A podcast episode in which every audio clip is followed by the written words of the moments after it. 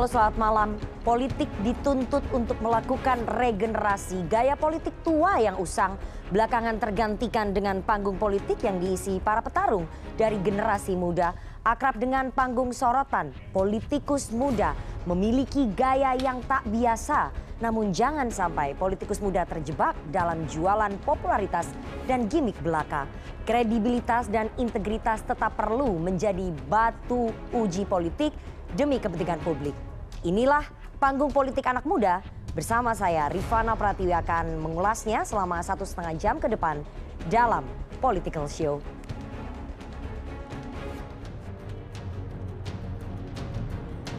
ada tren bahwa uh, anak-anak muda sekarang uh, mulai aktif keterlibatannya atau uh, keterlibatannya untuk mengikuti aktivitas-aktivitas uh, politik.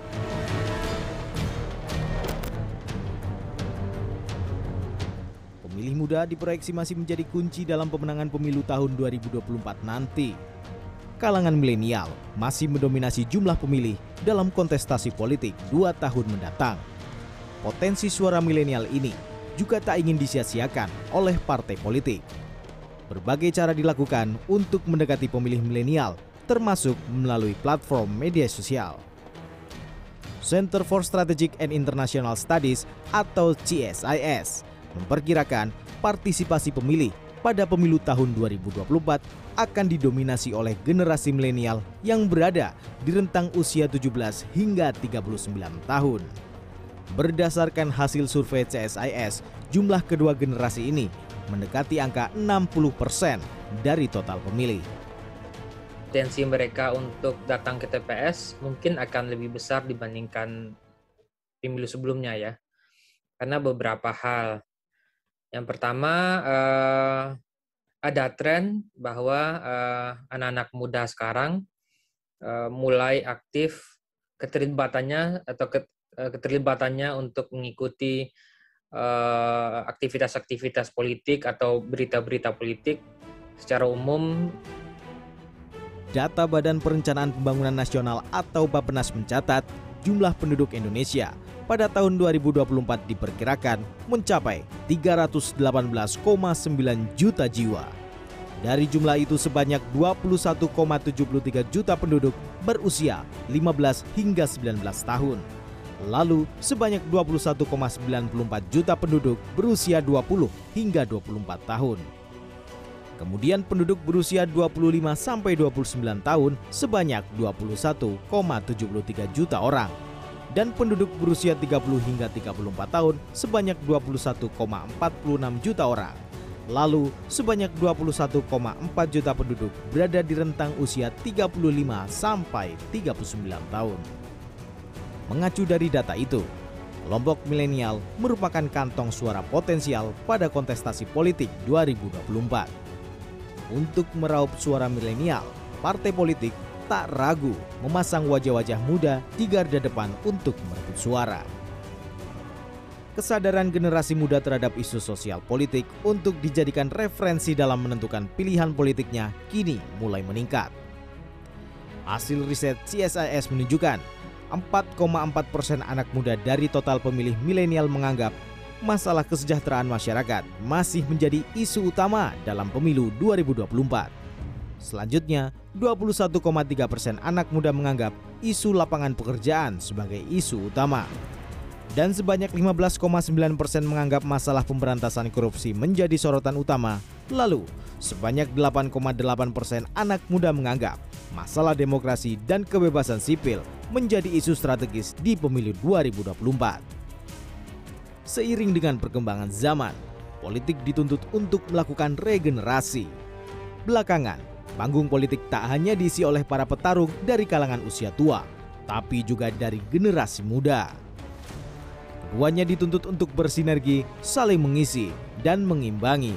Beberapa waktu belakangan, anak muda berbondong-bondong mencoba peruntungan di dunia politik.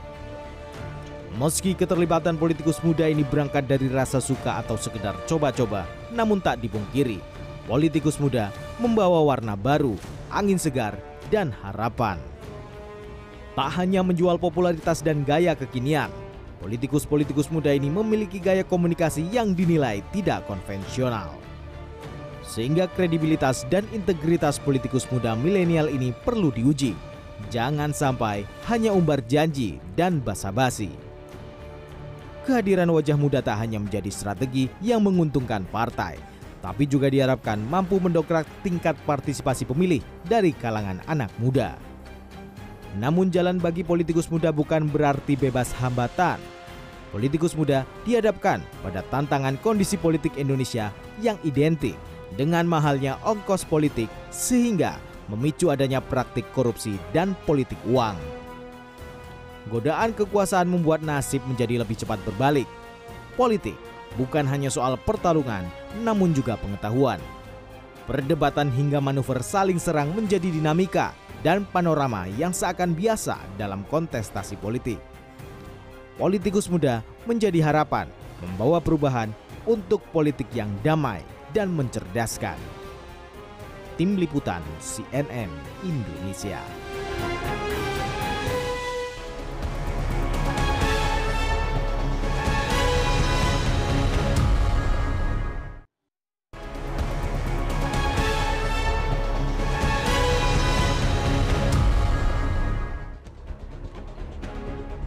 Kasih Anda masih menyaksikan Political Show dan kita akan masuk ke segmen Electionpedia. Kita akan menganalisis bagaimana hasil survei tentang jumlah pemilih muda pada pemilu 2024 dan isu apa saja yang menjadi concern anak muda pada pemilu mendatang. Kita lihat satu-satu slide-nya sudah ada di sini.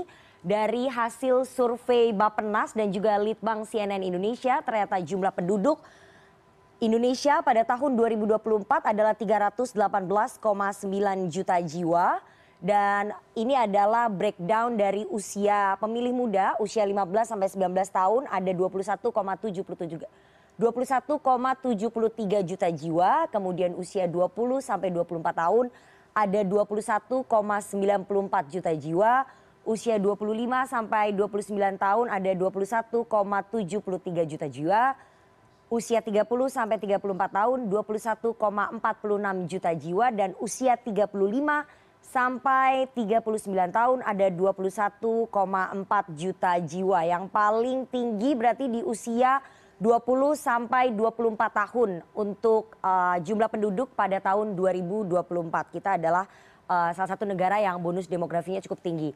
Dan selanjutnya bagaimana dengan jumlah pemilih milenial pada pemilu 2024? Apakah memang jumlahnya cukup banyak? Ternyata potensi suara milenial 2024 berdasarkan survei dari lembaga CSIS perkiraan total penduduk 2024 318,9 juta jiwa usia 17 sampai 39 tahun ada 60 persen dari total penduduk. Artinya ada sekitar 60 persen pemilih milenial yang akan memberikan suaranya pada pemilu presiden dan juga pemilu legislatif 2024. Isu apa saja yang kemudian menjadi concern bagi anak muda pada pemilu 2024? Apakah sama dengan yang muncul sering kali di media sosial? Kita akan lihat di slide berikutnya dari lembaga survei CSIS sudah memotret ya isu-isu strategis pemilu 2024 bagi milenial. Yang pertama ternyata adalah kesejahteraan masyarakat 44,4 persen. Artinya isu ekonomi masih menjadi jualan ataupun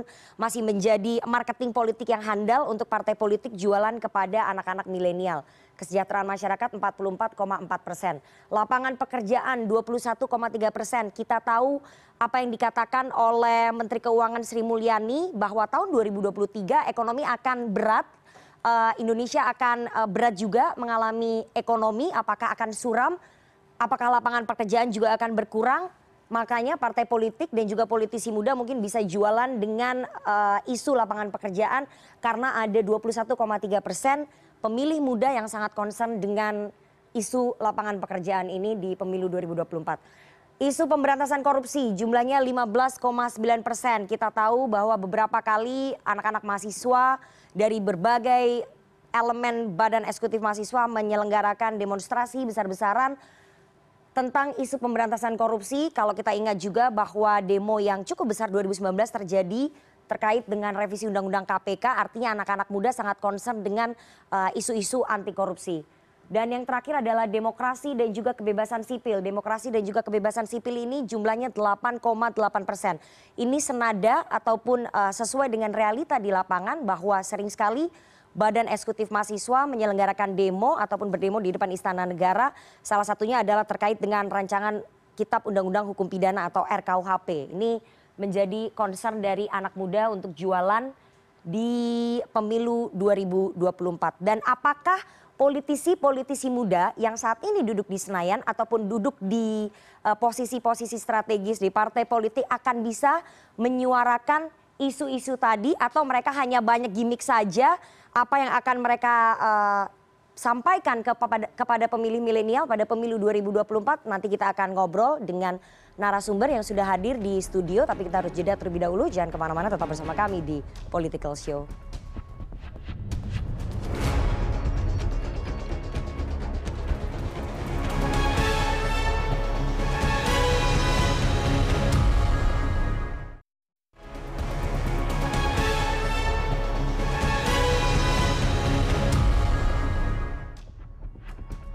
Kasih Anda masih menyaksikan Political Show. Pemilu 2024 akan didominasi oleh hampir 60 persen pemilih muda. Partai politik berlomba-lomba memunculkan politisi milenial untuk menggait suara pemilih muda. Wajah politisi muda semakin menghiasi kancah politik tanah air. Bahkan beberapa dari mereka berhasil menempati posisi bergengsi. Bagaimana kemudian politisi muda menancapkan kakinya di dunia politik? Apakah mereka betul-betul berbakat atau cuma beruntung saja? Politisi muda bisa apa sih? Malam ini kita akan membahasnya bersama dengan narasumber yang sudah hadir di studio. Ada yang paling kanan, saya perkenalkan Farah Putri Nahlia, anggota DPR RI dari fraksi Partai Amanat Nasional. Saat malam Mbak Farah. Malam Mbak Nana. Terima kasih sudah bergabung di sini dan ada juga Ketua Umum Tidar, Wakil Ketua Umum Partai Gerindra Rahayu Saraswati Joyo Hadi Kusumo. Komplit Wah, saya kasih. loh luar Mama biasa, luar biasa, luar biasa. Terima Saya kasih Mbak Nana. Oke, nanti bisa ditambah Subianto mungkin. Ada Mas Adriano Kolbi, uh, komika dan juga influencer perwakilan dari masyarakat sipil, saya harus bilang. Dan Direktur Eksekutif Carta Politika Yunarto Wijaya. Selamat malam Mas Toto. Malam Nana. Terima kasih sudah bergabung dan nanti bergabung juga bersama dengan kami ada Wakil Gubernur uh, Provinsi Jawa Timur dan juga Wali Kota Medan bergabung secara virtual. Kita akan ngobrol juga dan sebagai bentuk partisipasi publik Political Show selalu mengundang secara virtual teman-teman dari mahasiswa, teman-teman milenial yang merupakan potensi pasar terbesar pada pemilu 2024. Malam ini bergabung Badan Eksekutif Mahasiswa dari Universitas Pajajaran. Selamat malam teman-teman. Nanti boleh bertanya dan juga melontarkan pendapat ataupun pernyataan kepada para narasumber di sini. Mungkin pengen men-challenge politisi-politisi muda yang ada di sini. Uh, boleh banget nanti teman-teman ya. Uh, saya akan fasilitasi. Tapi pertama, pertama saya akan mulai dulu dari Mbak Farah. Mbak Farah, bagaimana kemudian politisi muda memandang politik hari ini?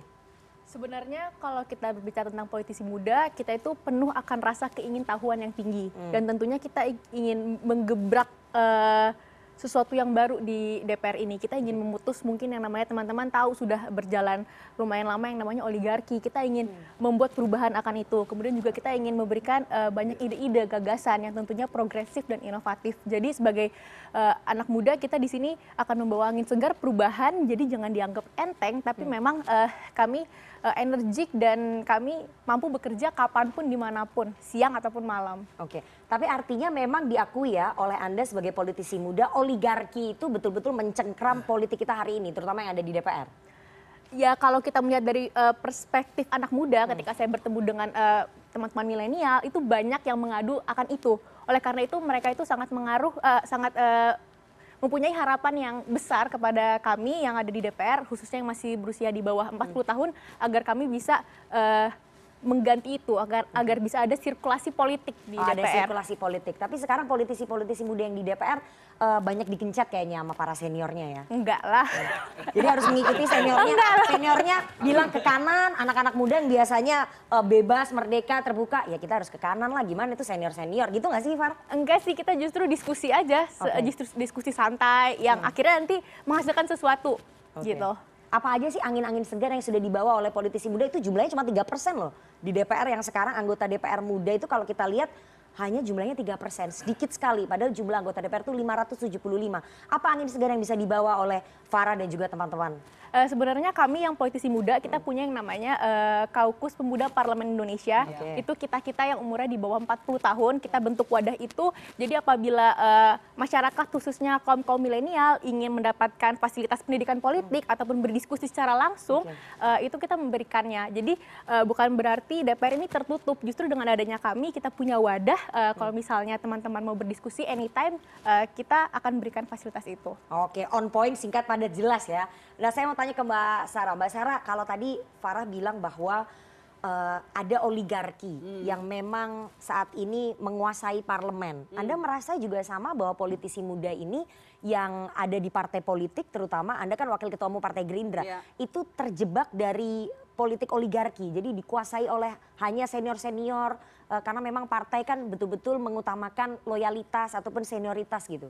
Kalau bicara tentang loyalitas dan senioritas, eh, bahkan anak muda pun hmm. sekarang seperti saya gitu hmm. bisa menjadi senior. Okay. Apalagi sekarang saya adalah wakil ketua umum hmm. Partai Gerindra. Jadi bukan hanya ketua umum saya partai yang adalah kepemudaan dan apalagi saya seorang perempuan juga gitu hmm. kan. Jadi kita mencoba untuk menunjukkan bahwa itu bisa dipatahkan sebenarnya dengan apa yaitu kerja keras, loyalitas dan kita siap untuk ke lapangan hmm. dan melakukan what it takes gitu kan. Okay. Nah, kalau misalkan di DPR berdasarkan pengalaman hmm. saya, kembali lagi kalau misalkan kita bisa menunjukkan bahwa kita bisa memberikan warna, kita berkontribusi secara uh, aktif gitu ya. Maksudnya ya hadir di rapat okay. gitu dan uh, betul-betul do our homework, kita melakukan riset dan kita menyatakan bahwa ini loh datanya pasti yang uh, senior pun akan mendengar. Okay. Uh, eh, itu yang tadi dikatakan oleh Farah bahwa kebanyakan dari mereka itu sebenarnya mau mengetahui apa sih uh, yang diinginkan oleh anak-anak muda. Apalagi kita sekarang kan 53 persen ya uh, penduduk Indonesia bukan hanya bicara tentang pemilih ya apalagi pemilih lebih tinggi lagi gitu loh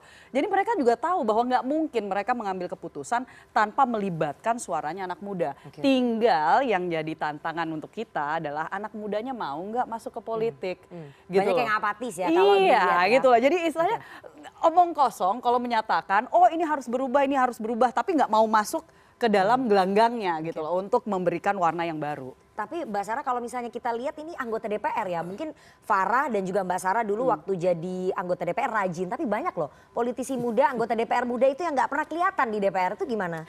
itu kan ya. membuat membuat anak-anak muda di luar sana tuh menjadi apatis itu banyak loh saya nggak perlu sebut namanya tapi kalau Mbak Sarah saya sering lihat ya. di paripurna di komisi Farah juga tapi yang lainnya itu kayak timbul tenggelam gitu kita nggak kelihatan nggak usah anak muda semuanya juga banyak yang seperti okay. itu sayangnya ya kita fair aja lah banyak hmm. yang seperti ini bukan yang di, di fraksi kita masing-masing juga bikin kita frustrasi juga kan okay. kita mau marahin gimana karena yeah. waktu itu saya juga kapoksi yeah. jadi yang istilahnya jadi banyak yang bolos nah iya oh, gitu loh diakuin ya nah, aku, kita akui okay. lah kita akui okay. tapi di situ di mana kita memang harus pertama hmm. belum tentu mereka bolos di satu rapat, mereka bolos di rapat lain hmm. karena kadang ada dua atau tiga rapat yang terjadi bersamaan. Ya, ya. Ini juga harus dimengerti oleh teman-teman semua gitu. Hmm. Tapi kalau kita bicara tentang sekali lagi oh banyak yang anak muda yang bolos hmm. ya. Oke, jangan kita generalisir okay. juga. Yang kedua, sekali lagi, kalau mau kita bawa perubahan, ya jadilah bagian dari perubahan itu. Oke, okay, oke. Okay. Be aktif lah. Be aktif. Saya mau tanya ke Adri. Adri ya. tadi diakuin oleh uh, Farah dan juga Mbak Sarah bahwa oligarki ini masih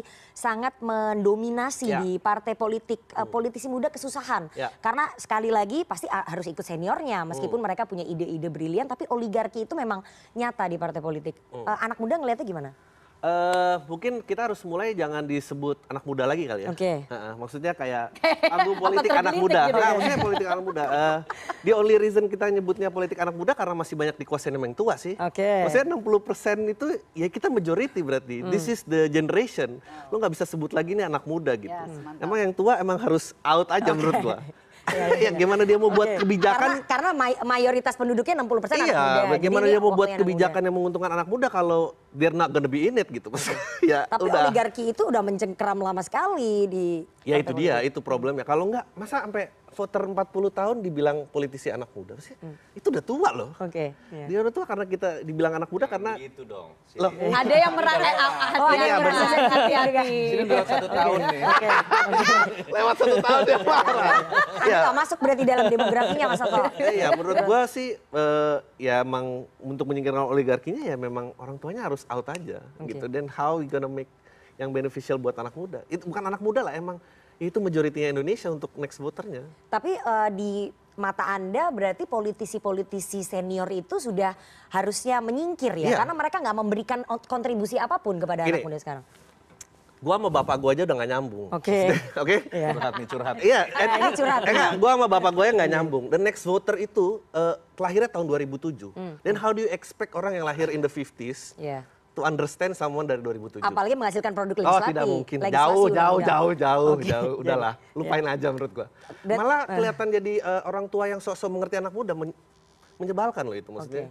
The way they update to TikTok, enggak udahlah itu bukan media lo, don't. Oke, oke. Tapi Anda yakin kalau misalnya politisi muda, kemudian jumlahnya lebih banyak di DPR, terus eh, produk legislasinya, undang-undangnya bisa juga Paling enggak enggak kelihatan kayak orang tua so asik. Oh, Eh, oke. itu Paling aja nggak- dulu, that's bottom nggak line. Gimmicknya ya, Hmm. gimmicknya dulu Nggak ya. kelihatan kayak orang tua di klub preying on little kids enggak. Oke, oke, oke, oke. Paling nggak itu. Oke, Mas Toto, eh, ini oligarki sudah waktunya untuk menyingkir kalau katanya Adri. Tapi di satu sisi sekarang ini yang duduk di puncak politik semuanya ya oligarki, semuanya adalah orang-orang yang eh, politisi-politisi senior. Iya, memang fenomenanya menarik ya. Tadi fakta bahwa eh, ketika bicara ada anak muda yang masuk dalam sistem politik yang dikuasai oleh orang-orang tua, yang terjadi ada dua kemungkinan. Yang pertama sistem politik yang nuansanya tua tadi berubah ikut menjadi muda, mengikuti arus zaman, atau sebaliknya anak-anak muda tadi malah jadi istilah orang Sunda kokolot begok, matang sebelum waktunya gitu ya.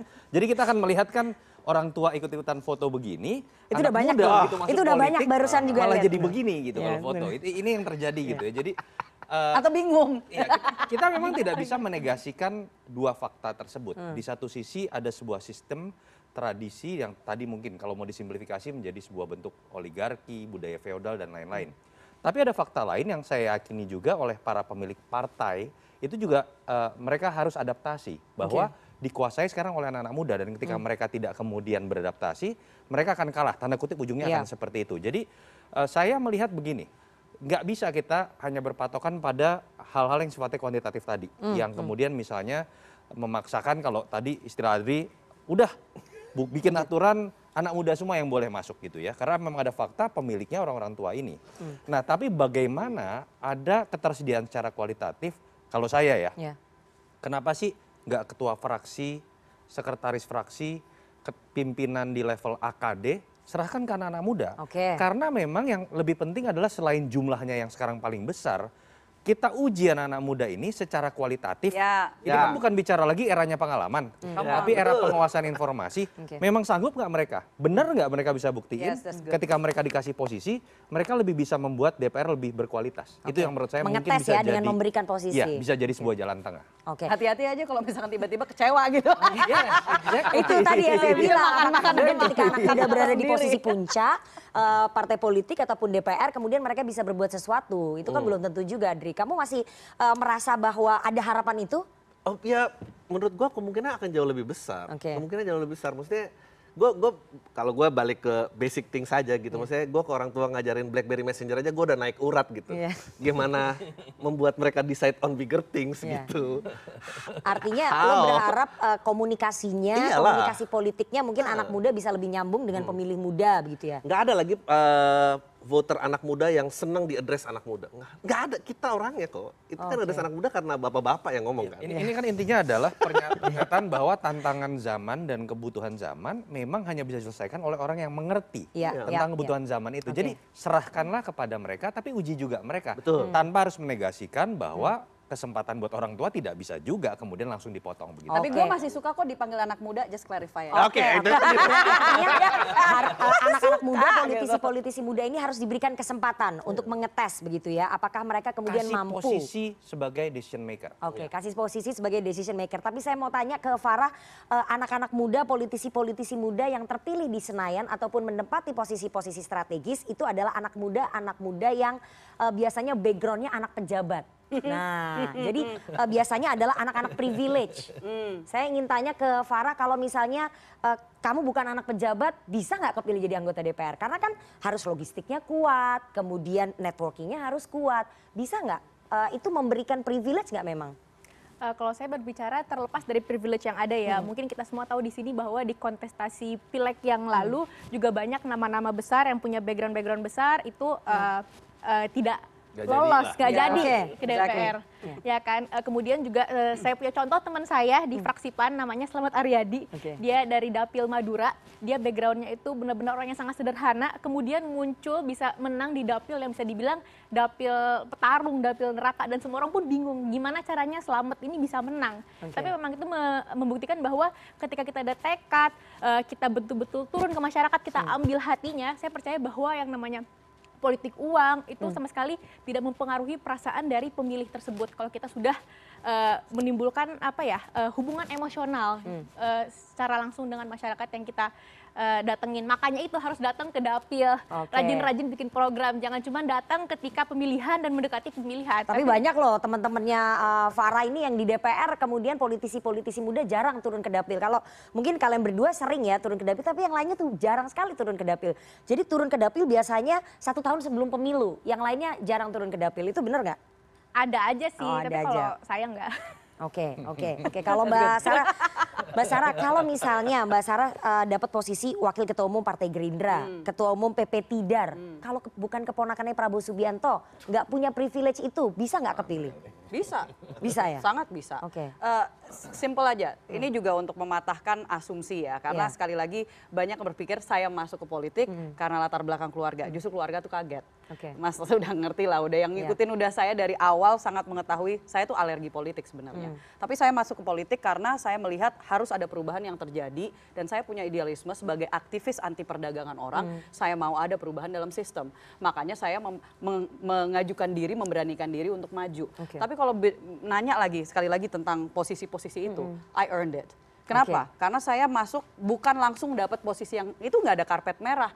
Saya masuk tuh kader masih kader biasa, terus habis itu jadi ketua departemen, baru habis itu hmm. jadi wakil ketua umum. Okay. Saya pun juga ketua umum PP Tidar. Saya adalah salah satu kader pertama yang gabung di Tidar. Okay. I made my dan 10 tahun lebih saya bekerja hmm. untuk hmm. mengembangkan Tidar dari bawah juga okay. dan bisa bertanya kepada semua kader-kader di Tidar seperti apa. Hmm. Jadi eh, ini men mencontohkan apa? Bahwa sebenarnya siapa pun yang memang siap untuk sing-singkan lengan, ya, okay. siap untuk benar-benar berkontribusi bisa kok. Dan saya mau uh, juga mendukung apa yang tadi dikatakan bahwa kalau kita menjaga, karena yeah. banyak kok teman-teman kita yang bisa walaupun berhadapan dengan yang uangnya nggak berseri istilahnya okay. gitu ya. Okay. Karena apa? Karena kalau dengan politik demokrasi liberal yang ada di Indonesia saat ini, kadang-kadang punya nama pun bisa kalah dengan yang punya duit. Karena banyak juga ya pesohor yeah. ataupun artis yang maju kemudian nggak terpilih, begitu yeah, itu bukan jaminan. Oke, sure. oke. Okay.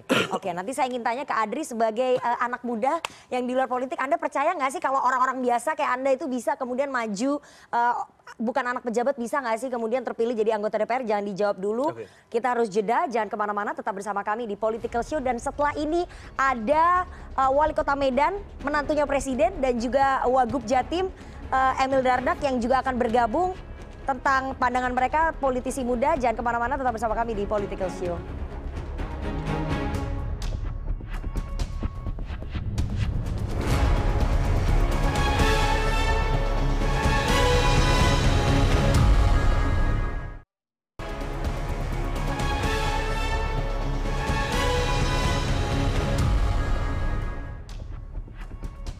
Kasih Anda masih menyaksikan Political Show dan saya masih bersama dengan para narasumber di studio dan bergabung saat ini melalui sambungan virtual ada dua kepala daerah muda. Saya ingin menyapa satu persatu Wakil Gubernur Provinsi Jawa Timur Emil Dardak. Selamat malam Mas Emil. Selamat malam Mbak Nana. Oke dan ada Wali Kota Medan Bobi Nasution. Selamat malam Mas Bobi. Selamat malam Mbak Nana. Oke, saya mau ke Mas Emil dulu, nanti saya baru ke Mas Bobi dan saya lanjut nanti dengan uh, para narsum di studio. Mas Emil, sebagai kepala daerah yang muda, uh, tantangannya ini apa saja menjadi kepala daerah yang biasanya birokrasi ini dipenuhi oleh orang-orang tua? Susah nggak, Mas Emil? Ya, tentunya uh, saya sebagai kepala daerah di Jawa misalnya, hmm. ini kan tentu uh, juga ada sebuah kultur, walaupun kita sebagai uh, apa istilahnya bangsa timur ya artinya Asia semua punya sama respect for elderly dan lain-lain, Oke. ya tentunya akan berbeda ritmenya. Kita membedakan bagaimana kita bicara dengan orang yang lebih tua itu adalah bagian dari keseharian kita. Nah kali ini yang lebih tua adalah dalam konteks hierarki eh, di adalah yang apa istilahnya di bawah kita misalnya gitu. Nah ini yang kemudian tentunya eh, saya selalu mengatakan respect itu tidak muncul hanya karena kita punya jabatan. Oke. Jadi kita nggak bisa cuma main suruh-suruh, harus kalau uh, istilahnya slogannya kita kudu iso ngelakoni gitu ya. Jadi harus nyontoin. Jadi saya mengalami waktu awal dulu bupati, uh, saya kadang-kadang ya saya kerjain gitu. Uh, saya kerjain sendiri PowerPoint-nya dulu satu kali atau dokumen saya rapin. Dan pernah ada satu peristiwa waktu mau membenahi laporan kinerja, saya kasih waktu tiga jam mereka balik, saya tanya gimana ternyata apa yang arahan yang sudah saya kasih contoh belum dilakuin. Ya saya menghukumnya dengan cara saya suruh mereka duduk di depan saya, saya ngetik sampai tengah malam. Oke. Jadi saya bilang karena kalian nggak ngelakuin apa yang saya minta, Hmm. saya jadi harus kayak begini. Nah tentu itu satu pesan yang subtle, yang agak ya, istilahnya pesan yang agak Ya. halus bahwa jangan sampai saya harus kayak gini dua kali. Gitu. Jadi kita nggak nggak cuma bisa dengan bentak-bentak dan marah-marah biasa itu agak agak ya agak beda lah pendekatannya. Oke, tapi jadi lebih repot berarti ya kepala daerah muda ini menghadapi birokrasi yang eh, penuh dengan senioritas gitu. Kalau tadi kita lihat kayaknya berat banget, kayaknya repot banget gitu, Mas. Eh, saya rasa leadership juga udah mulai bergeser ya sekarang gitu. Jadi eh, kita juga sekarang berhadapan dengan pekerjaan yang lebih menuntut kreativitas. Jadi orang tuh bukan rajin hanya diukur dari berapa jam dia kerja, tapi berapa kualitas dari setiap detik yang dia habiskan untuk kerja. Jadi eh, relasi kerja juga akan berubah gitu. Nggak bisa feodal kayak dulu lagi kok gitu. Jadi kebetulan iramanya juga mulai jalan seiring gitu Ya. sebenarnya. Oke, saya mau ke Mas Bobi dulu. Mas Bobi, ini sebagai menantunya Presiden Jokowi, kemudian Anda politisi muda juga di PDI Perjuangan. Eh, Mas Bobi, apakah kemudian banyak yang suka mengunderestimate Anda? Suka meremehkan eh, Anda begitu ya, terutama society, terutama di lingkungan birokrasi. Apakah ah, ini Mas Bobi mah masih muda, anak kemarin sore, kepala daerah kemarin sore. Jadi sering nggak sih Mas eh, dapat cap seperti itu? Ya, eh, tentunya setiap eh, kita masuk ke area baru, kita masuk ke arena yang baru bagi kita sendiri tentunya punya tantangan tersendiri. Sama seperti setiap kita masuk ke area apa pun ya, bukan hanya di dunia politik, di dunia ekonomi, dunia bisnis juga semua pasti mempertanyakan kemampuan kita di bidang tersebut.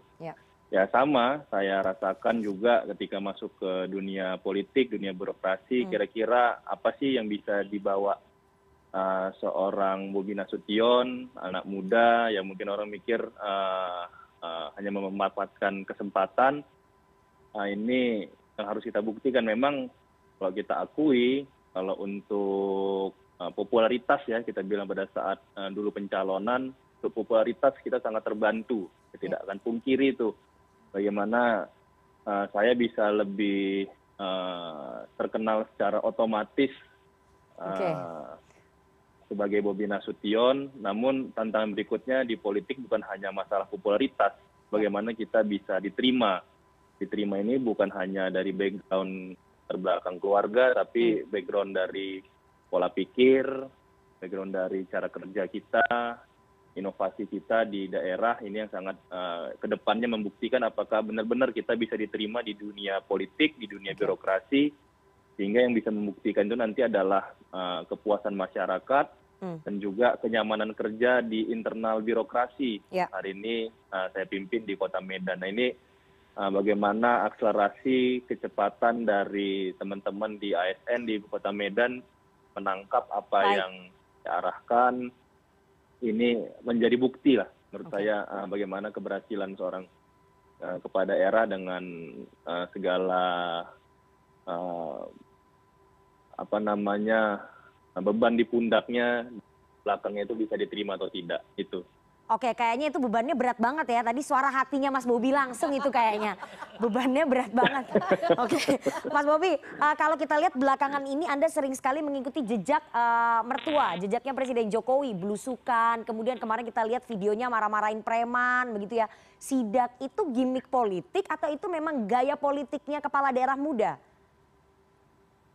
Uh, bukan gimmick, bukan gaya, tapi itu yang diperlukan menurut saya ya.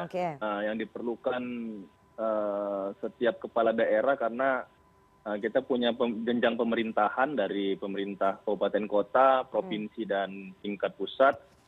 Uh, semua itu harus bisa memastikan uh, apa yang kita programkan itu berjalan. Nah, kalau kami di tingkat uh, dua di tingkat kabupaten kota itu kan benar-benar langsung uh, programnya harus menyentuh ke masyarakat langsung dan bisa uh, dan bisa diterima dan dipahami oleh masyarakat. Percuma kita buat mm, program sebanyak-banyaknya, kebijakan sebanyak-banyaknya, tapi kalau yang uh, menerima hanya sekian persen itu Baik.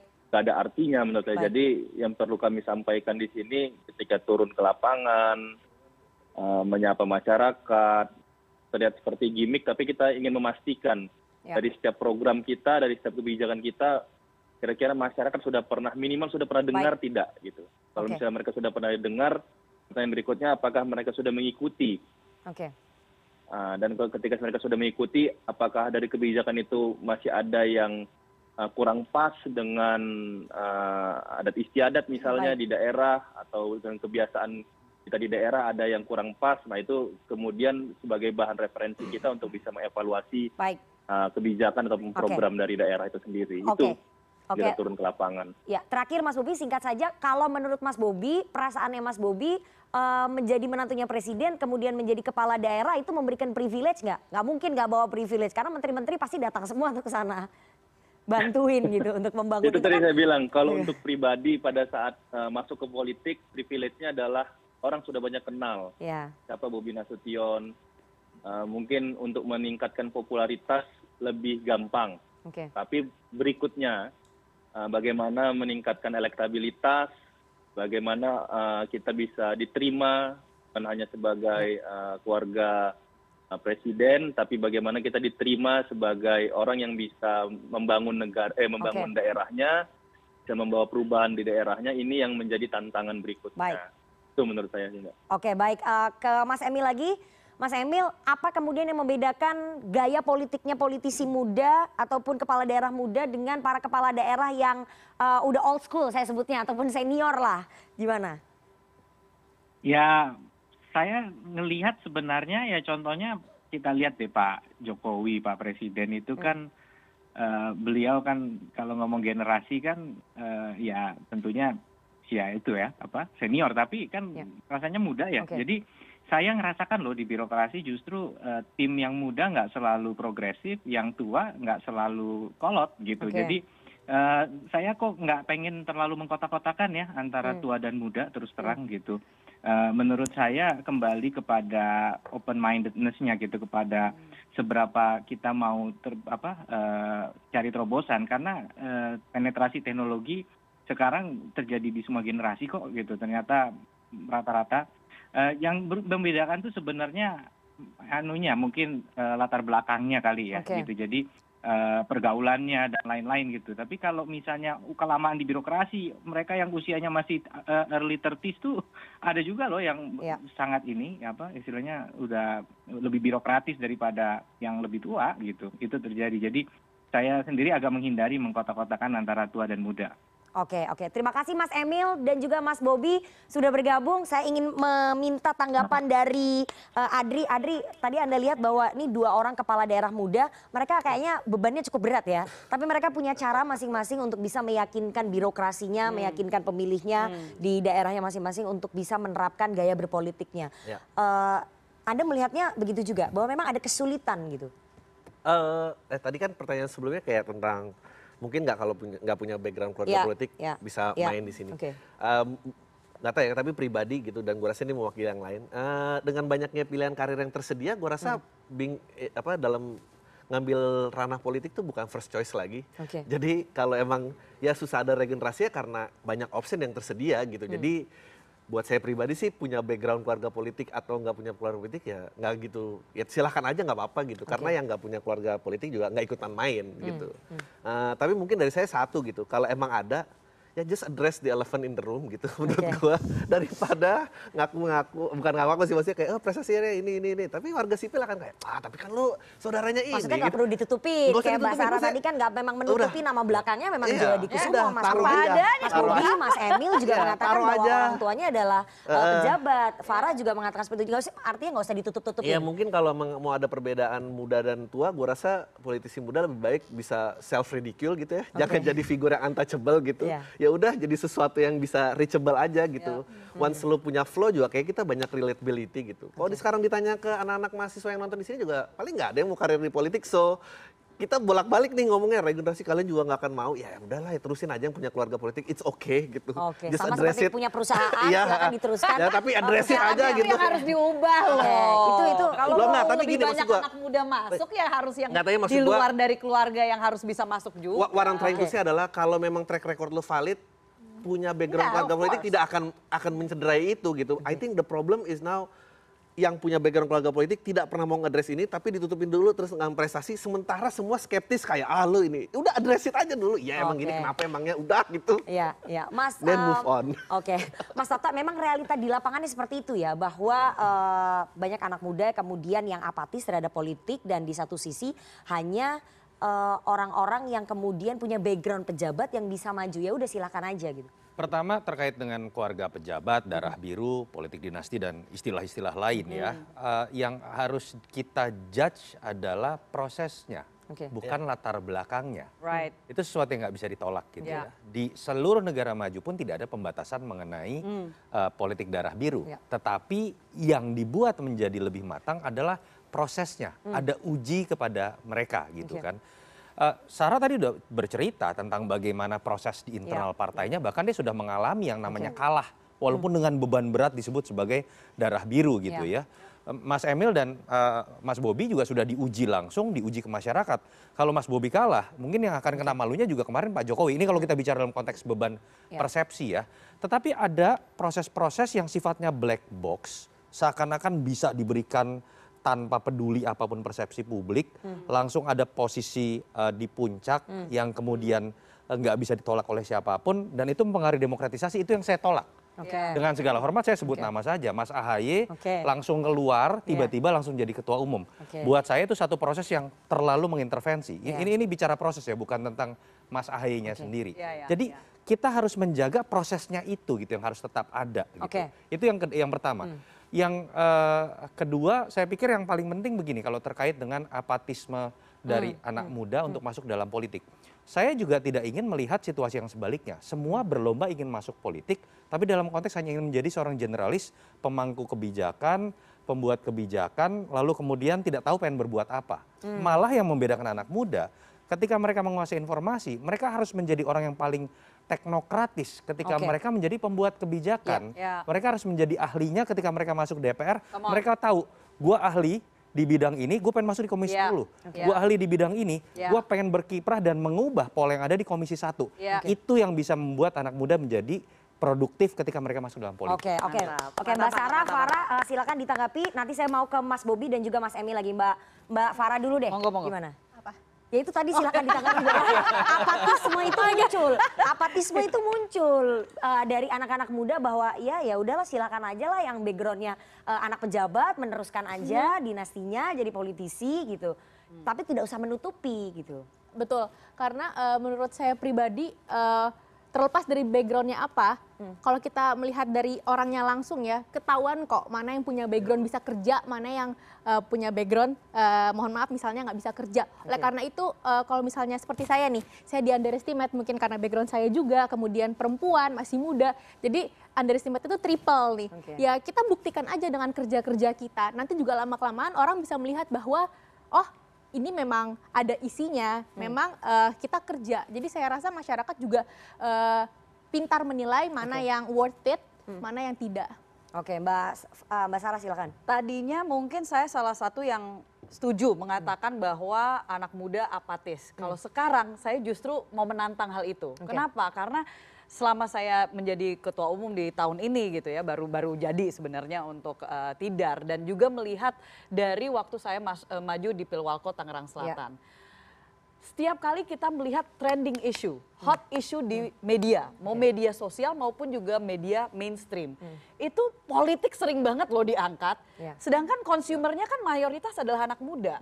Jadi bukan berarti mereka apatis, tapi apa yang terjadi mereka frustrasi Oke. dan merekanya marah dan akhirnya mungkin kesannya apatis karena ya udahlah terserah dia mau kayak gimana. Oke. Tapi bukan apatis, eh, mereka mau untuk ayo dong berubah, ayo dong kita. Nah ini yang mau dari tadi saya sampaikan. Kalau memang nggak suka dengan mau itu prosesnya ataupun hasilnya, masuklah ke dalam sistemnya. Make something. Make something, jangan cuma mengkritik gitu kan, tapi terus nggak mau ikut tangannya ikut kotor untuk membuat perubahan itu gitu. Eh, dan kalau misalkan tadi dikatakan ya bahwa oke eh, serahkan aja kepada keluarga-keluarga tersebut. Fine, bukan saya mengatakan bahwa oh itu nggak bisa dan seterusnya. Itu kan selalu dari dulu adalah judgment dari luar ya, is perspective. A privilege is Yeah. an external Yeah. perception gitu loh. Tapi tinggal kembali lagi, kalau misalkan dari kemarin dikatakan bahwa oligarki have to go dan eh, apa pemuda harus masuk. Ya kalau misalkan pemudanya nggak mau masuk sampai kapan kita mau berubah Oke, gitu. itu berarti yang Yes. harus diyakinkan supaya Ya. anak muda mau masuk ke dalam politik. Exactly. Meskipun banyak yang apatis, saya ingin tanya ke dua kepala daerah muda eh, yang pemilihnya harusnya banyak ya, karena kan kepala daerah itu dipilih langsung. Ke Mas Emil dulu, Mas Emil ini banyak anak muda yang kemudian apatis dan ya frustasi begitu ya, dan akibatnya banyak yang nggak mau masuk ke dalam politik. Ini bagaimana kemudian Anda meyakinkan, apalagi nanti pemilih 2024 pilkada ataupun pemilu itu jumlahnya hampir 60 persen. Iya, eh, apa saya setuju tadi Mbak Saras bilang. Sebenarnya apatis itu bukan berarti mereka nggak tertarik gitu, Hmm, tetapi eh, lebih apa istilahnya eh, skeptis ya gitu. Nah, bahaya skeptis itu bagus, tapi kalau berlebihan akhirnya pilihannya jadi pragmatis. Itu yang Oke. kita takut. Nah, pragmatis itu artinya satu wani piro atau dua ya udahlah pokoknya popularity contest kayak American Yes. Idol, Indonesian Idol gitu Hmm, yang yes, seru-seru aja yeah. yang dipilih gitu, tapi nggak mau mendalami substansi. Jadi saya saya senang apa yang disampaikan oleh Mas Yunarto tadi. Bagus tuh anak-anak muda tuh harus punya passion untuk jadi teknokrat gitu. Kayak saya se- eh, hampir 15 tahun saya berkarir di infrastruktur, di World Bank, di eh, penjaminan infrastruktur, baru masuk gitu. Jadi bukan berarti oh ini saya saya muda terus saya bisa gitu. Saya tahu banget Mas Bobi kita sering diskusi bagaimana beliau jatuh bangun jalanin bisnis nggak instan tiba-tiba mau jadi wali kota juga gitu. Jadi memang eh, nggak nggak nggak instan. Ya walaupun khusus mengenai bab Mas Ahaye saya punya pandangan beda tapi nggak Ya. mungkin kita bahas di Iya. sini. Nanti Mengenai bahas di tadi episode black box, saya berikutnya, punya pandangan ya. beda. Tapi kembali lagi saya, saya setuju yang Mas Yunarto sampaikan mengenai jangan sampai anak muda meng- a- kemudian pengen langsung jadi jadi semua ambil jalurnya harus Ya. menjadi uh, politisi tapi kepedulian politik itu dimulai dengan be more substantive dalam menentukan decision gali lebih dalam jangan main di level yang superficial aja tapi Hmm. masuk lebih dalam lagi untuk memahami siapa sih orang ini apa track recordnya itu kira-kira Oke, Oke, Mas Bobi, bagaimana kemudian Anda meyakinkan eh, pemilih muda untuk bisa bergabung, berkontribusi dalam politik? Jualannya apa nih, Mas Bobi? Eh, jualannya apa ya jualannya ya Eh, sebenarnya kalau menurut saya dari eh, Mas Emil, Mbak Sarah dan yang menyampaikan tadi, saya rasa saya sangat sepakat. Tapi yang perlu kita simpulkan menurut saya adalah bagaimana ekosistem politik kita, menurut saya Mbak ya, ekosistem politik kita untuk anak-anak muda ini karena bisa lebih Hmm. Dikembangkan lagi tadi seperti saya sampai saya, saya dengar tadi saya lupa tadi mohon maaf. Eh, karena sekarang kita sudah banyak pilihan bisa masuk ke dunia karir. Dari Ya. segala macam eh, pilihan kita mungkin eh, menjadikan politik ini jadi pilihan nomor kesekian. Kenapa? Karena ekosistem eh, pembentuk karir di politik itu eh, mungkin yang hari ini ada bukan hanya dari mohon maaf bukan hanya dari kepala daerah hari ini yang muda-muda saja yang sudah berkarir di politik bisa membentuknya namun semuanya menurut saya baik itu organisasi eh, yang hari ini misalnya organisasi untuk membuat leadership menimbulkan jiwa leadership tapi apakah goals-nya akan ke politik? Apakah uh, goals uh, dari leadership ini uh, akan dibawa ke politik semua atau bawa leadership ke arah mana ini yang sebenarnya yang uh, harus kita bisa ciptakan adalah ekosistem baik. leadership kepolitikan ini yang uh, hari ini menurut saya ya yang, yang menjadi PR di Kota Medan ini adalah uh, yang harus betul-betul kita bisa pastikan karena kalau ekosistemnya nggak kita perbaiki ekosistem anak muda untuk masuk ke politik sekeras apa pun kita bilang uh, anak muda ini harus ke, masuk ke politik kalau Oke. mereka tidak nyaman di Ya. dunia di dunia politik ini tadi Baik. uh, ujung-ujungnya adalah apatis kepada dunia politik. Jadi yang pertama menurut saya adalah ekosistem untuk, di Kota Medan ya. Saya lihat skup Kota Medan saya rasa ekosistem anak muda yang harus diarahkan uh, dibuat nyaman lah ekosistem politik ini. Baik, baik. Terima kasih Mas Bobi, Wali Kota Medan, Mas Bobi Nasution, dan sebelumnya ada Wakil Gubernur Jawa Timur, Mas Emil Dardak. Terima kasih dua kepala daerah muda sudah bergabung pada malam hari ini.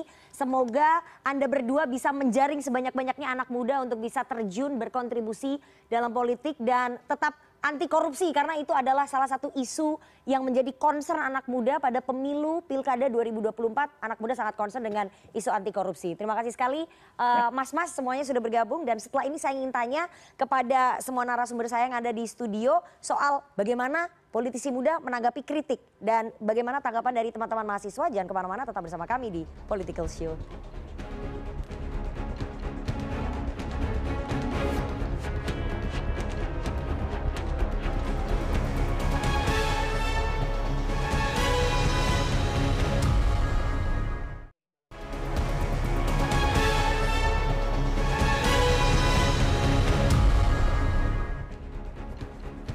Kasih Anda masih menyaksikan Political Show dan kita akan langsung bergabung bersama dengan teman-teman dari Badan Eksekutif Mahasiswa Universitas Pajajaran.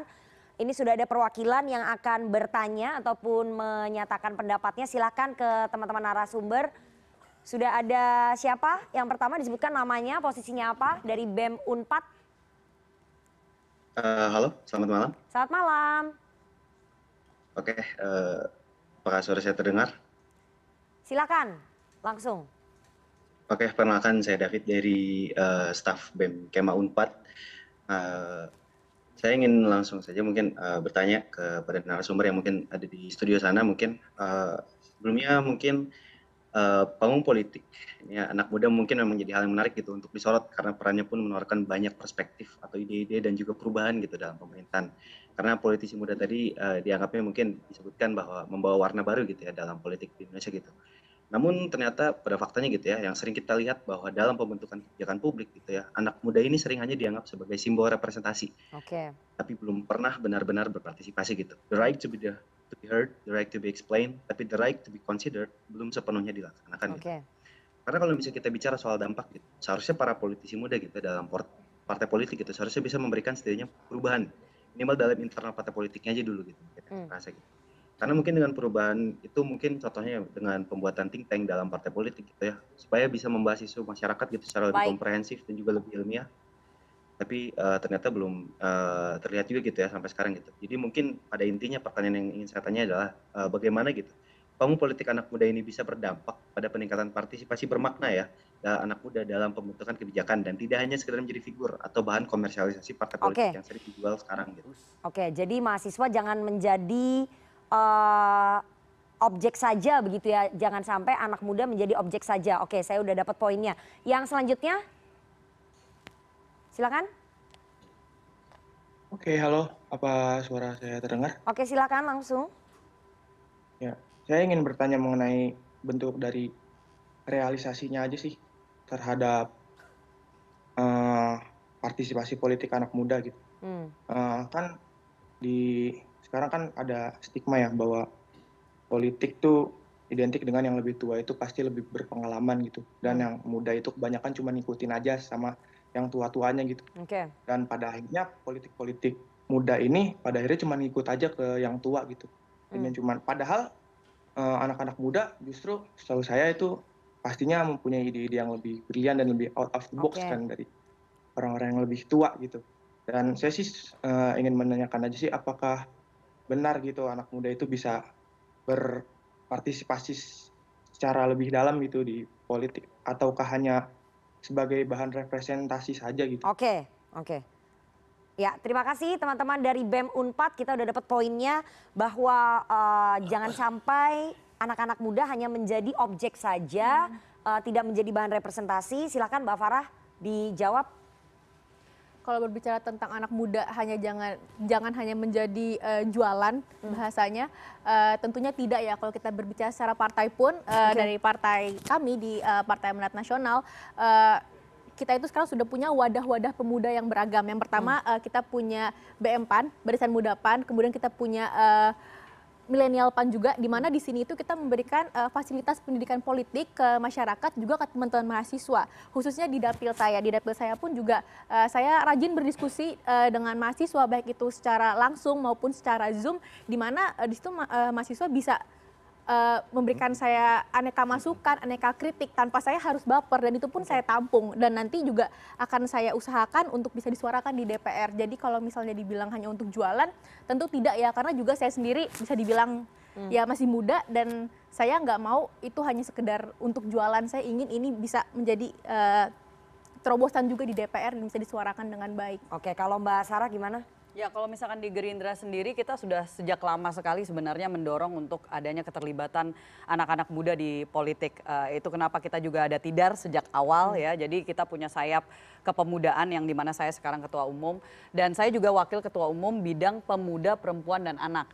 Dan saya mau tantang justru semua anak-anak muda di seluruh Indonesia kalau misalkan bersuara kepada Gerindra, kalau sampai ada di Gerindra yang tidak mendengarkan suara anak muda, tolong langsung lapor ke saya. Saya bisa di DM, di Instagram, no problem. Gitu loh. Ini kan anak muda, ini gaya anak muda kita langsung jualan straight ya. forward ini aja gitu. Mulai udah mulai jualan. Enggak, okay. udahlah kita straight to the point aja okay, lah gitu loh. Okay. Dan to the point adalah apa? Kalau misalkan kita mau untuk tadi kan right to be seen, right to be heard, dan right to be considered.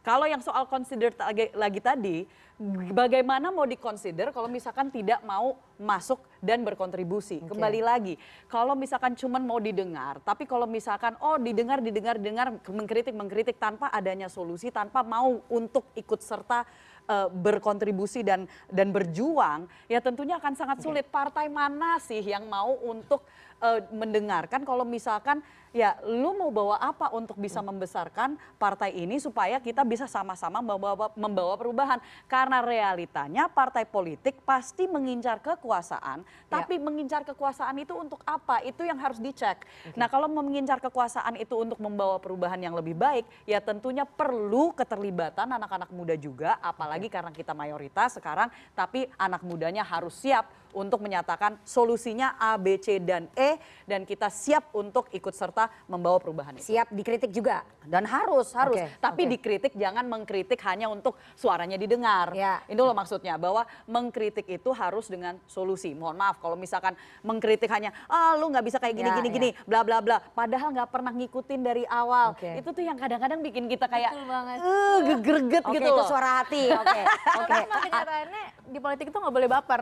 Oke. Okay. Itu rule number one-nya ya. Nah, yeah. Di politik nggak boleh baper, tapi Kalo ada temennya yang kemarin baper. baper. Jadi ada salah satu politisi muda yang saya nggak nggak usah sebut namanya dikritik kemudian menjadi baper. Apakah okay. kemudian menurut anak muda, menurut Adri, kritik itu harus pakai solusi atau memang kritik itu boleh dilontarkan begitu saja? Uh, aduh repot banget ya kalau kritik okay. harus pakai solusi. Yeah. Gimana caranya gitu? Okay. Maksudnya kalau kita di restoran bilang makanan yang gak enak kan kita nggak harus bisa masak mm, ya. Mm, ya kita udah mm. beli gitu. Maksudnya itu hak gue sebagai sipil gitu.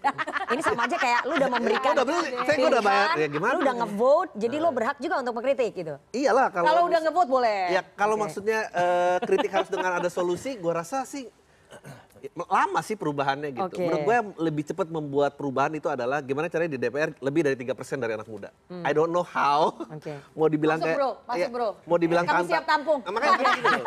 Aduh. Nah, tapi maksudnya kayak compare dengan pilihan yang tersedia di dunia nyata, ya mau ditantang anak muda juga dia akan kayak tapi kalau masuk sana cuma tiga persen kita mau jadi apa gitu hmm. gue nggak tahu gimana cara ngubahnya hmm. uh, ya itu mana telur mana ayam aja mau ditantang duluan apa ininya berubah duluan gitu oke okay. uh. tapi uh, kalau misalnya Adri lihat bahwa sekarang ini anak-anak uh, muda hanya menjadi objek saja ya Oh iyalah. Oke. Okay.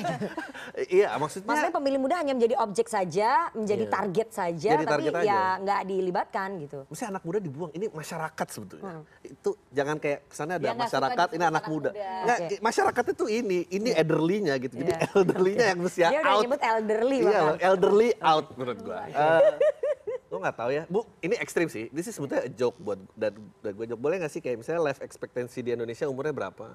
Ya. Yang usianya sudah 10 tahun minus 10 tahun, nggak usah bikin kebijakan apa-apa. Oke. Aja out aja. Itu tuh melanggar hak asasi manusia itu. Bisa nanti, nanti kita di demo Komnas HAM itu. Tolong, tolong, tolong. Kapitalis anak muda. Tapi bagaimana meningkatkan 3% itu Oke. problemnya? Bagaimana sekarang gini, eh, eh, apa yang ditargetkan masyarakatnya 60%, tapi representatifnya nggak ada 60% di DPR, terus a- apa? Susah ya. Terus apa? Gak usah ke situ, perempuan aja juga belum 30 persen. Ya. Iya. Nggak, satu-satu, satu-satu.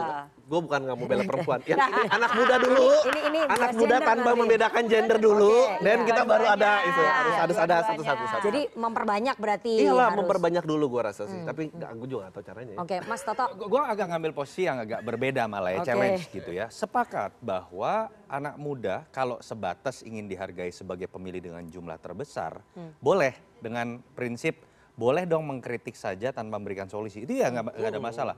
Tapi kalau berharap lebih menjadikan anak-anak muda ini menjadi panglima dalam konteks kebijakan, Hello. perubahan sistem, dan Yes. kritik-kritik kita terhadap sistem yang lama, ada hal juga yang harus gua kritik ya sebagai katakanlah mantan aktivis gitu misalnya.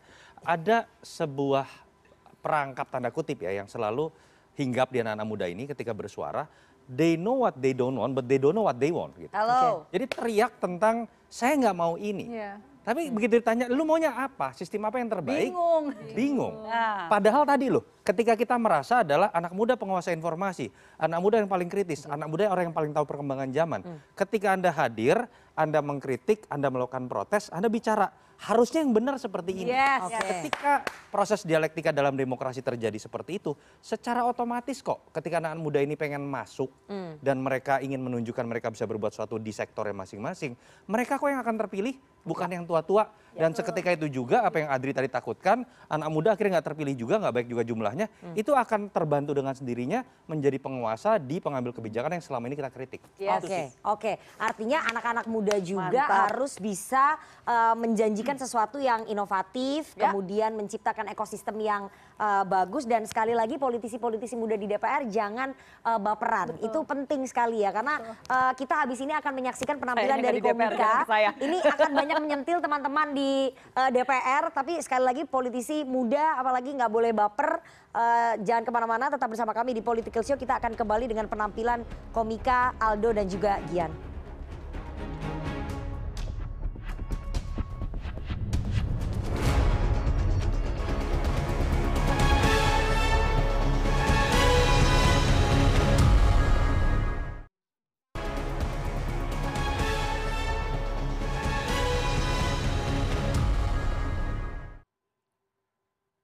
Assalamualaikum warahmatullahi wabarakatuh. Perkenalkan nama aku Muhammad Ronaldo. Dan saya Gian Luigi. Kita langsung aja kalau kita lihat di sini ada Mbak Farah, Mbak Sarah, ada Bang Adri, ada Mas Toto. Ya. Pemandangan kayak gini kayak ngeliat bapak-bapak lagi ngantar anak sekolah ya. Ya, iya, iya, iya. Ya, benar. Benar, benar, benar, benar. Bapak-bapak ngantar anak sekolah gitu. Yes, yes, yes. Ini ini yang biasanya ngobrol di kantin, ketemu ngobrol di kantin dan Banana guru BK. Betul, Biasanya betul, gitu. betul, betul. Biasanya seperti Betul, itu. betul, betul, Biasanya betul. seperti itu. Dan dan kita eh, bersyukur hari ini yang diundang tuh Mbak Farah dan Mbak Sarah. Kenapa gitu, Enggak Pak? Mbak-mbak yang satu-satu lagi. Siapa? Mbak Hilari. Aduh, oh. Kalau yang diundang Mbak Hilari kita disuruh stand up baru assalamualaikum langsung klarifikasi. Emang kayak gitu Hillary Clinton. Oh, Hillary Clinton. Hillary Clinton, Hillary Clinton. Masa Mbak Hillary yang gitu? Ya benar benar. benar. Tapi tapi ya, Hillary Clinton. tapi kita memang eh, nggak bisa pungkiri memang semua yang namanya eh, kadang ya yang namanya Hillary itu tuh agak menyeramkan. Pak. Kenapa dong? Karena kan dari namanya aja kalau kita ngeliat hi lari. itu kita agak-agak khawatir gitu. Betul, betul, betul, Gitu, betul. Bang. Dan di sini ada Mbak Farah nih, Mbak Farah kalau kita baca eh, profilnya, Yes. di usia 26 tahun udah jadi anggota DPR. 26, 26 tahun jadi anggota DPR. Keren keren keren Keren. keren keren. Belum belum belum. Bang Gian di 26 tahun apa yang Bang Gian lakukan? Aku di usia 26 tahun ngurusin DO. Iya. Aku kuliah 7 tahun, Dok. Masuk kuliah foto di kelas foto presiden di kelasku itu Pak SBY. Oke. Pas lulus fotonya Pak Jokowi. Iya. Periode kedua. Tiga kali ganti foto berarti Bang. Tiga kali, tiga, Tiga kali ganti foto, yes, yes, Betul. yes, yes. Dan kalau kita lihat di sini ada Bang Adri. Ya, oh iya benar. Politisi, politisi, om-om. Om-om, Ya kan? tiba-tiba. Tiba-tiba ada om-om satu ini. Om-om tiba-tiba. Ini buat Mbak Farah, Mbak Sarah, Mas Toto, ini senior kami di stand up. Benar, kita respect banget dengan Bang Respect. Adri. Dan eh, karir Bang Adri ini di tahun 2022 melejit naik. Benar. Semenjak teman-temannya ketangkep. Ya. benar, benar. Sebutin bang, sebutin bang. Sebutin. Coki ketangkep, Adri yang gantiin, melesat. Melesat. Iko ketangkep, Bang Adri yang gantiin, melesat. Melesat, iya, iya, Makanya iya. Bang Adri, Bang Adri jangan kepedean diundang di political show. Bukan karena opininya, karena Bang Faldo nggak hadir. Ya. Yes, yes, yes, yes, yes, yes, yes. Karena Bang Faldo nggak hadir, Bang Adri yang gantiin. Bahkan bahkan ya bang ya aku dengar dengar setiap kali setiap kali syuting CNN katanya bang Andri udah standby di depan studio. Siapa tahu ada yang nggak bisa ya. Siapa tahu ada yang nggak bisa katanya. Benar benar benar. Menang WO tuh tetap menang. Kalau dari karirnya Bang Adri yang kita belajar, skill itu nomor sekian. Iya. Yang paling penting itu jadwal kosong terus. Betul betul betul betul betul. betul, betul. Kita langsung ke topik aja dong. Kita langsung ke topik aja. Topik kali ini adalah politisi muda bisa apa? Ya. Jawabannya jelas. Apa? Tidak bisa. Kita yang tidak bisa menjawab. Oh, iya. Kita bukan Kita siapa-siapa. tidak bisa Kita menjawab. tidak bisa menjawab. Udah mau dicubit aja. hampir, hampir, hampir, hampir. Udah. Tangannya tadi udah begini bang. Gak jadi jadinya. Karena, karena sebenarnya bagi kita nggak apa-apa politisi muda itu, eh, anak muda jadi politisi nggak apa-apa. Gak apa-apa. Asalkan nggak muda-muda banget. Kenapa gitu? Gen Z itu jangan lah. Kenapa? Karena kesehatan mentalnya belum stabil. Oh iya benar. Dikit-dikit mood swing, Yes, yes. gampang healing, Betul. dikit-dikit butuh staycation. Benar. Kita takutnya nanti kalau misalnya Gen Z jadi politisi di depan DPR ada demo mahasiswa, itu nggak langsung direspon. Tapi? Diomongin di close friend. Oh iya. Gen Z biasanya begitu. Gen Z biasanya gitu. Dan kalau kita lihat ya politisi-politisi senior tuh nggak pernah kayak gitu. Nggak pernah. Nggak pernah kita ngeliat Pak Prabowo mood swing. Nggak pernah. Nggak pernah, nggak pernah. pernah. Kalau Bu Mega sering. Ya mungkin, mungkin kita nggak tahu. Kita nggak tahu kalau itu. Nggak, nggak. tahu. Ada Mega tetanggaku. Iya, ya Mega, Mega ada, ada, Mega tetanggaku loh, ada. Mega na narasu iya. Ada, ada, ada, ada, ada. Nama tetangga kita. Set, set, set, set, sap. Ya, Tapi yang kita takutin juga, kalau misalnya apalagi ini gensi-gensi yang di Jakarta. Ya, kena Jakarta Selatan. Iya takutnya semua itu pengen jadi anggota DPR, dapilnya Jaksel. Kenapa bang? Karena ada senoparti. Oh iya. Iya, iya, iya, tapi kalaupun ada senoparti, ini jadi gampang. Ada eh, anggota DPR Genzi, malam-malam ke senoparti jadi gampang ngelesnya. Kenapa? Misalnya, misalnya Ya. nih, ada ada di klub-klub ada Ya. ada orang itu Heeh. datang. Bapak kok ada di klub-klub seperti ini, Pak? Saya sidak pasar, Oh, beres masalah. beres. Sidak pasar, Jadi sidak ada pasar. alasan. Jadi Mengecek harganya, apakah harganya stabil atau tidak. Kayaknya perlu dipakai nih. Tapi Bang ya, menurutku Bang, eh, aku sebagai anak muda juga, Ya, menurutku betul. itu sangat mungkin seorang anak muda itu berkuasa Bang di politik Bang. Betul. Buktinya udah banyak. Oke. Kim Jong Un 27 tahun jadi presiden. Jadi presiden. jadi presiden Korea Utara. Jadi Korea Korea Utara. Muammar Gaddafi, Heeh. 27 tahun juga jadi presiden Libya. Jadi presiden Libya. Dari sini kita tahu anak muda kalau dikasih kekuasaan jadinya diktator. Eh, jangan terlalu bebas gitu. Jangan terlalu bebas, jangan terlalu bebas, jangan terlalu bebas. Yaudah kalau gitu kita mungkin untuk terakhir aja kita nutup Kita kasih ya. pesan. Untuk semua anak muda yang mungkin kepikiran untuk jadi politisi, boleh-boleh aja punya ambisi untuk jadi politisi. Tapi jangan sampai visi misi hanya sekedar basa-basi. Kalau seperti itu mending pulang aja main squishy. Saya Gian. Saya Muhammad Raldo, terima Terima kasih. Biasa. Kasih Komisi.co, Gian dan juga Aldo. Itu tadi penampilan dari Komisi.co sekaligus menutup dialog kita pada malam hari ini. Saya mau mengucapkan terima kasih kepada narasumber saya yang hari ini oke-oke banget. Ada Farah Thank you Putri. Nahlia, anggota DPR RI dari fraksi Partai Amanat Nasional, komplit saya sebutin.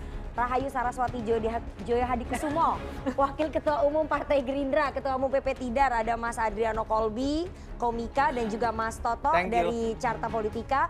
Terima kasih sekali dan jangan lupa kita akan ketemu lagi hari Senin jam 20.30 waktu Indonesia Barat. Political Show akan selalu menemani Anda dengan isu-isu politik. Saya Rifana Pratiwi pamit. Saat malam dan sampai jumpa.